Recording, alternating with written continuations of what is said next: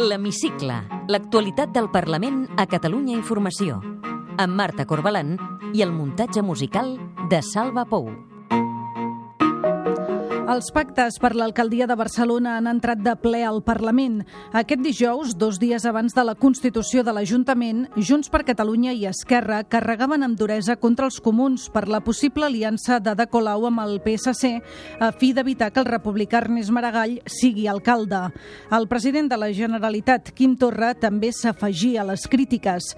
Aquesta setmana també ha quedat vist per a sentència el judici del procés. L'endemà que acabés la vista, Torra insistia que cal recuperar la unitat de l'1 d'octubre i pronunciava la frase «ho tornarem a fer». Benvinguts a l'Hemicicle. L'Hemicicle, l'actualitat del Parlament a Catalunya Informació. El president de la Generalitat s'adreçava així als comuns hores abans de la constitució de l'Ajuntament. Vostès què volen? Drets o cadires? Drets o cadires?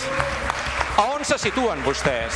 La cap de files dels comuns, Jessica Albiach, li replicava. President, així no anem bé. De fet, anem fatal i la patrimonial, patrimonialització de les institucions és una pràctica perillosa que pot conduir a corrupció.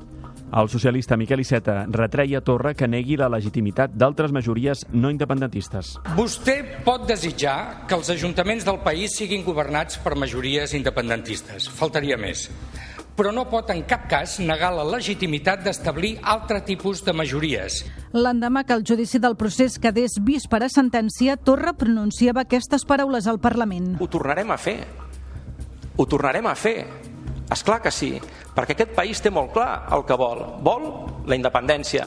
I li responia des de Ciutadans Carlos Carrizosa. Dejen de amenazarnos a todos los catalanes con otro golpe de Estado. Ya sabemos que Pedro Sánchez no hará nada ante la gravedad de las amenazas que usted ha proferido hoy también en sede parlamentaria.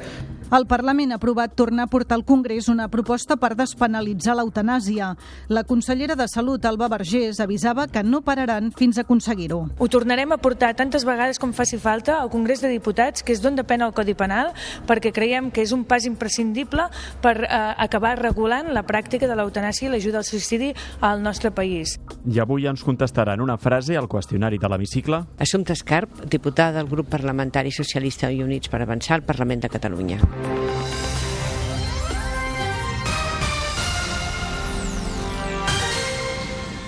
Els pactes a l'Ajuntament de Barcelona han tensat al màxim les relacions entre els partits independentistes i els comuns.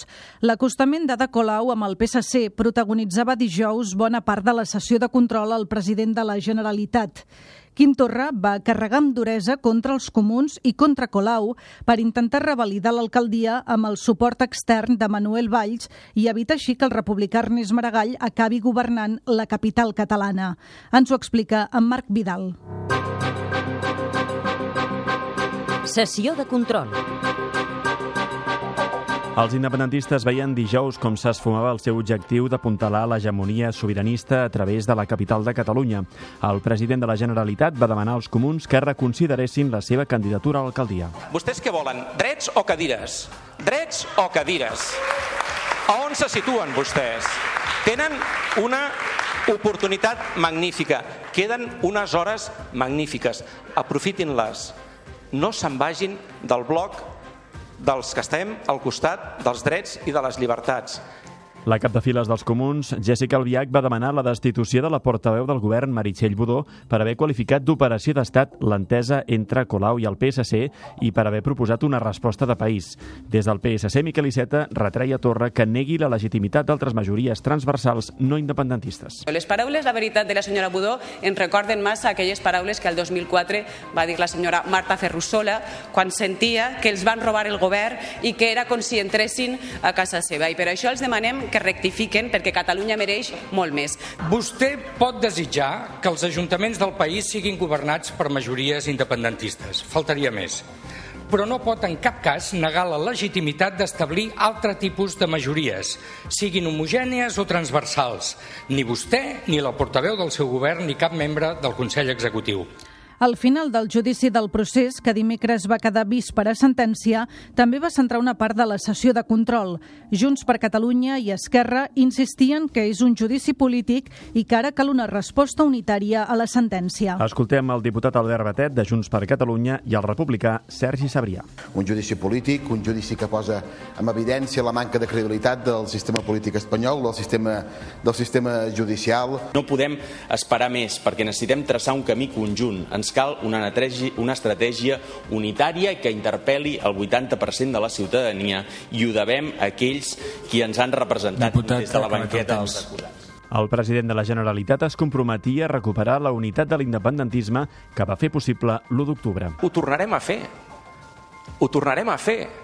És clar que sí, perquè aquest país té molt clar el que vol. Vol la independència. Van fer un referèndum d'independència i ho podem tot. Podem fer possible l'impossible, però necessitem aquesta unitat estratègica. Tenim una gran oportunitat, no la malbaratem, jo no permetré que es malbarati. Des de Carlos Carrizosa lamentava les paraules de Torra. Dejen de amenazarnos a todos los catalanes con otro golpe de Estado. Ya sabemos que Pedro Sánchez no hará nada ante la gravedad de las amenazas que usted ha proferido hoy también en sede parlamentaria. Pero yo le digo lo que haríamos los de Ciudadanos. Le requeriríamos formalmente para que diga si va a acatar la Constitución. El PP va aprofitar la sessió de control per preguntar sobre desnonaments. Alejandro Fernández acusava el govern de no fer res per evitar-los i el president ho negava. Estas medidas que comenta pues, han sido un absoluto fracaso.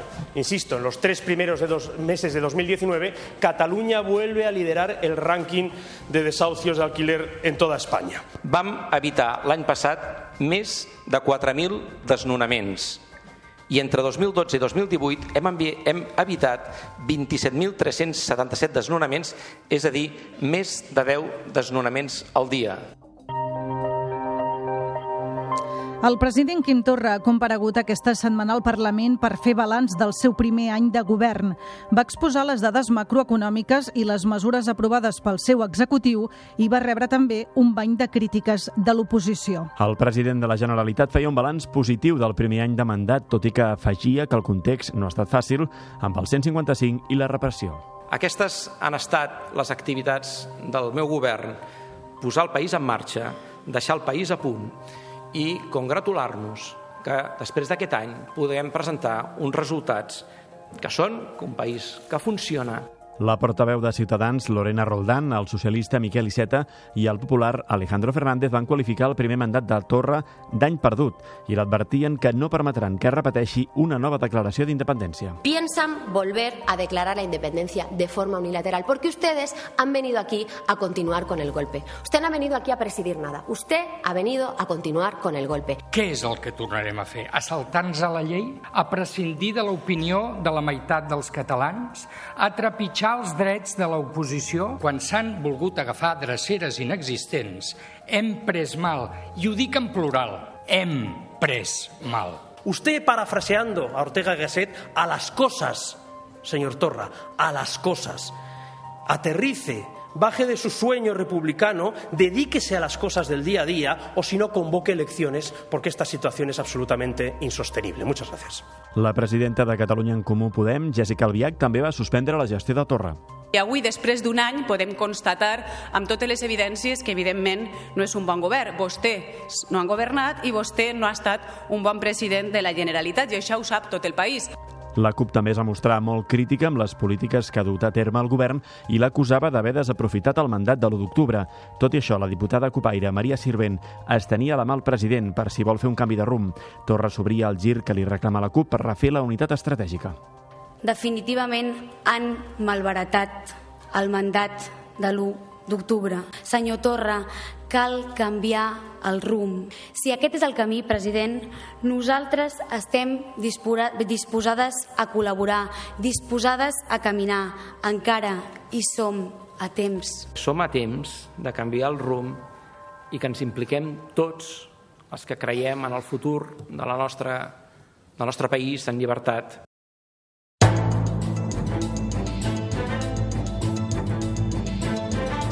Nadie me convocó a esta reunión. Falso. Jamás fui convocada. Me enteré de esta reunión en esta sala. A pocs metres del Parlament, davant de l'Arc de Triomf, centenars de persones van seguir dimecres a través d'una pantalla gegant els torns finals de paraula dels 12 acusats en el judici del procés. L'expresidenta del Parlament, Carme Forcadell, que s'enfronta a 17 anys de presó per un delicte de rebel·lió, va assegurar davant del tribunal que ella va fer exactament el mateix que els seus companys de mesa que estan acusats de desobediència. Estoy siendo juzgada por mi trayectoria política, por ser quien soy, no por mis actos, no por mis hechos. Prueba de ello son los desesperados y los descarados intentos de alterar, de cambiar la realidad para sostener la acusación o las acusaciones contra mí. El president de la Generalitat i també el del Parlament, Roger Torrent, van assistir a l'última sessió del judici. Nosaltres sempre hem defensat, i jo mateix, quan vaig declarar justament a la sala del Suprem, que si del que s'acusa és de voler decidir lliurement el nostre futur i de fer tot el possible perquè això fos així, el que hauríem d'estar asseguts en aquesta, aquesta tarda al Tribunal Suprem i fent les últimes paraules no serien només 12 homes i dones, sinó el conjunt dels 2.200.000 catalans i catalanes que van votar l'1 d'octubre. Els torns finals de paraula dels acusats han tancat el judici després de 52 sessions en 4 mesos. El tribunal deliberarà havent escoltat més de 400 testimonis, una vintena de pèrits i haver vist hores de vídeo del 20S i de l'1 d'octubre. Visto para sentencia. El Parlament portarà a la Fiscalia diversos membres de l'anterior govern de Mariano Rajoy. El motiu és que s'han negat a compareixer en diferents comissions d'investigació on estaven citats com a testimonis. Segons el Codi Penal, poden ser acusats d'un delicte de desobediència. Entre els que seran portats a la Fiscalia hi ha, per exemple, el mateix Mariano Rajoy, Soraya Sáenz de Santa Maria, Juan Ignacio Zoido o Enric Millo. Uns estaven citats a la comissió que investiga l'aplicació del 155 a Catalunya i uns altres havien d'assistir a la comissió sobre els atemptats del 2017 a Barcelona i Cambrils. Tots han justificat la seva incompareixença al·legant un informe del Consell d'Estat segons el qual els membres i exmembres del govern espanyol no estan obligats a donar explicacions davant d'una cambra autonòmica. El president de la comissió del 155, el diputat de Junts per Catalunya, Antoni Morral, explicava que comunicaran la seva incompareixença a la mesa del Parlament perquè la porti a la Fiscalia. Citats a compareixer per segona vegada doncs no, no han vingut, per tant hem de donar compte diguem-ne d'aquest fet en l'acte d'avui i transmetre diguem-ne doncs, aquest acord com hem fet també altres vegades doncs, a la mesa del Parlament perquè prengui les mesures oportunes en el tràmit de la Fiscalia. Qui sí que va compareixer dimarts a la Comissió d'Investigació dels Atemptats va ser l'excap dels Mossos, Josep Lluís Trapero, en una sessió a porta tancada. Segons fons parlamentàries, Trapero va destacar que la coordinació entre els diferents cossos policials va ser absoluta durant els atemptats.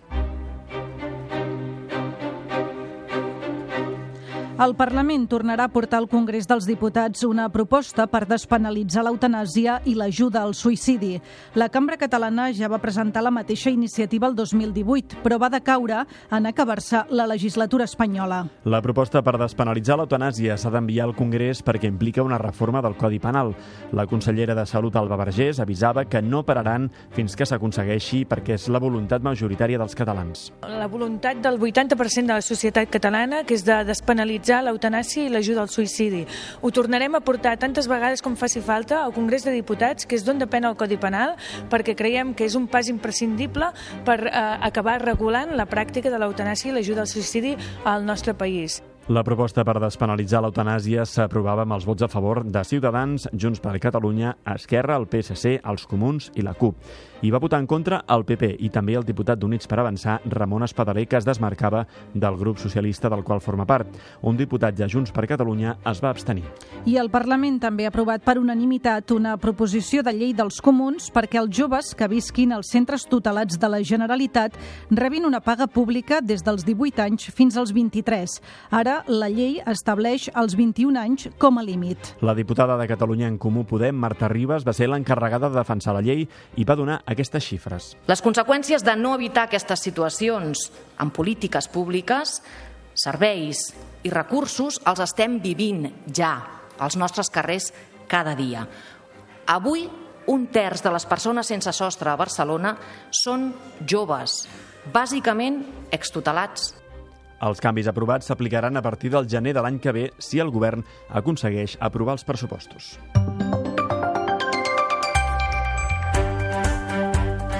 I el Parlament ha començat aquesta setmana a renovar part del centenar de càrrecs d'organismes públics que tenen el mandat caducat o hi han renunciat. El president del Parlament, Roger Torrent, es va reunir al març amb tots els grups per demanar-los que es posessin a treballar per fer les renovacions. El Parlament ha decidit començar pels càrrecs menys polítics i que no requereixen consensos tan amplis. En concret, aquesta setmana s'han designat els nous membres d'alguns òrgans com el Comitè sobre el Canvi Climàtic o la Junta de Govern del Memorial Democràtic. En total, hi ha una vintena d'organismes públics que tenen una part de la direcció amb el mandat caducat. Per exemple, hi ha el síndic de Greuges, Rafael Ribó, a qui al febrer se li va acabar el mandat, i també estan pendents de renovació el Consell de Garanties Estatutàries i el Consell de Govern de la Corporació Catalana de Mitjans Audiovisuals. Aquestes renovacions costen més perquè requereixen amplis consensos polítics.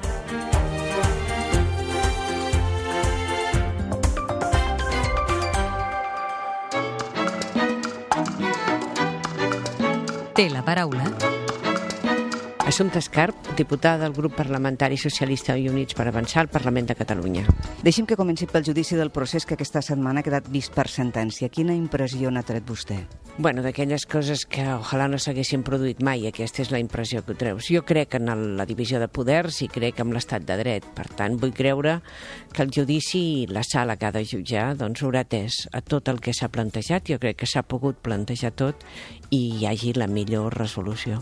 Els acusats haurien de quedar en llibertat provisional mentre no hi hagi sentència. És que jo crec que els acusats ja no haurien d'haver estat a la presó. La presó provisional s'ha apretat massa, s'ha estirat. La presó provisional mm, no té té uns condicionants que no haurien de tenir en aquest cas. Per tant, ni haurien d'haver estat a la presó ni s'haurien de quedar metres esperant la sentència. Vostè coneix Joaquim Forn i ha coincidit alguns anys a l'Ajuntament de Barcelona. Què sent davant de la seva situació? Home, a mi em sap molt greu i, a més, una pena horrorosa. Jo m'he escrit amb el Quim Forn, el vaig escriure de seguida, eh, i manifestava més, moltes vegades, aquest sentiment més personal, el que podien sentir la família, el, no? l'estar allunyat. Eh, bueno, me, crec que he pogut manifestar-li directament no només la solidaritat, sinó una mica aquest sentiment que, que es pot tenir en aquests moments. Durant anys els socialistes eh, han governat amb comoditat a l'Ajuntament de Barcelona. Avui és tercera força què els ha passat? Home, jo crec que són moltes les coses que han passat, no al PSC, sinó al país en general, no? És a dir, el PSC va tenir una decisió en l'any 2014-2015 important, jo crec que el fet nacional ha trencat l'esquema dreta-esquerra i, per tant, doncs va, va, va causar problemes en el si del PSC. En qualsevol cas, què n'espera del proper equip de govern municipal a l'Ajuntament de Barcelona? Espero que facin Barcelona, que es creguin Barcelona. Els que hem estat a l'Ajuntament de Barcelona, per sobre de tot som i creiem molt en Barcelona, no? I per tant que creguin la potencialitat de la ciutat, de la seva gent i que la posi davant, que és el que volem, no? Perquè si Barcelona tira, Catalunya tira i tiren molts més. El president espanyol en funcions, eh, Pedro Sánchez, es nega a rebre el president Quim Torra. Ell li va demanar per carta i la resposta encara no oficial, però oficiosa va ser que no. Com es poden resoldre les diferències si no hi ha un diàleg sense condicions? Bueno, jo crec que també eh, és el moment. Un president està en funcions, està pendent encara del debat d'investidura i, per tant, que sigui d'això. L'altre és quines condicions tu poses per anar a dialogar, no? Jo hem vist fins ara que el president Torra posa, bueno, parlarem primer punt, referèndum. Jo crec que aquí hi ha un document que es va fer, que és el document de Pedralbes. Jo crec que tothom, almenys Esquerra Republicana, així ho va manifestar, i el PSOE també té vigència. Per tant, jo crec que s'ha de deixar sentar el govern eh, i que es constitueixi el nou govern de l'estat espanyol i a partir d'aquí tornar a obrir la via de diàleg. I parlant d'eleccions, vostè creu que caldria avançar eleccions a Catalunya un cop almenys es conegui la sentència? Doncs aquí li diria que no. Jo crec que ens convé un cert temps d'estabilitat, no? Hi han conselleries molt importants que convé que, que hi hagi més temps i que tinguem temps de poder... que no, que no decaigui tot, no? Sinó que tinguem temps de poder legislar i de poder fer. Respongui'm ara, si pot, amb una paraula o amb una frase les següents eh, qüestions. Un viatge pendent. Alaska. Un repte que no s'ha atrevit encara a fer realitat. Escriure. El pitjor defecte. Bueno, ser una mica inconscient a vegades i tirar endavant. I la millor virtut que vostè reconeix? Bueno, mm, saber escoltar. Un record d'infantesa. Era bastant moguda i m'agradava molt escapar-me i córrer i per mi era una llibertat. És rancuniosa? Bueno, una mica. Recorda quin va ser el seu primer amor? Sí, un historiador, ara famós, però en aquell moment un estudiant. L'última pel·lícula que ha vist? Doncs últimament estic més enganxada a Netflix que al cine, el qual queda molt malament reconèixer-ho. Però bueno, he vist algunes sèries que han estat bé. El millor i el pitjor adversari que ha tingut en política? Home, jo recordo eh, com a millor adversari, així en el debat i en el diàleg, el Quim Forn. Té alguna vocació frustrada? Bueno, sí, una mica de, de, de dedicar-me al dret, sempre m'hagués agradat. L'últim somni que recorde de què anava? De viatge. Una cosa que vostè no oblidem mai quan surt de viatge. Cuido més el necesser que altres coses. Creu en l'amor a primera vista? Crec en l'amor en general. Completi'm la frase. El que més m'agradaria del món és... Continuar a veure creixent els meus fills i compartir amb ells una bona part de la vida. Gràcies. Moltes gràcies a vosaltres.